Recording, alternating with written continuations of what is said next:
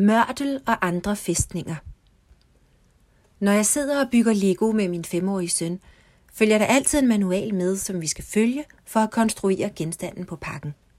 Vi skal spotte de helt rigtige klodser i bunken og sætte dem rigtigt sammen, selvom man i starten kan undre sig over, hvorfor det lige var de klodser, der skulle danne fundament og udmunden i den rigtige figur. Men vi stoler på rækkefølgen og manualen et skridt ad gangen. Når voksne, der lærer sig et nyt sprog, stiller spørgsmålstegn ved manualen, ved valget og rækkefølgen af klodserne, i stedet for bare at følge reglerne, så skrider det hele. Det slår mig gang på gang, hvordan mange ønsker klodserne langt væk, og så gar siger, at man ikke har brug for dem. Hvordan kan du bygge Lego uden klodser? Og hvordan kan du bygge sætninger uden ordklasser? Du kan da prøve, ja, noget skal nok hænge sammen, men det bliver hurtigt trættende for tilskuerne og tilhørende, og det bliver helt sikkert ikke figuren på pakken. Der skal nok også være nogen på jorden, der er i stand til at bygge en Lego Monster Truck på én gang i første forsøg, uden at have prøvet det før. Men det er godt nok ikke mange, der kan ty til denne metode, når de skal lære noget nyt.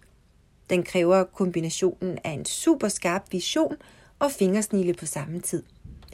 Et sted, man sagtens kan nå hen efter mange gentagende forsøg, men at nægte regler og rækkefølger er altså ret obstruerende for sprogindlæringen.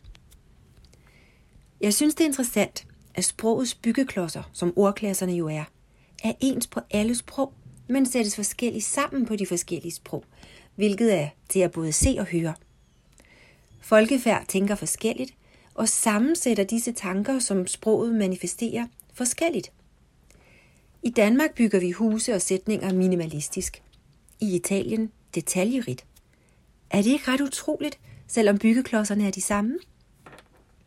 Derfor må vi interessere os lidt for byggestil, og for den mørtel eller knapper eller gevind, hvor med klodserne festnes.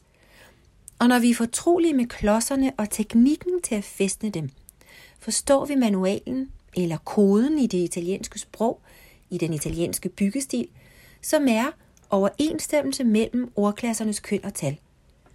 Før denne kode knækkes, bygger man ingen verdens ting.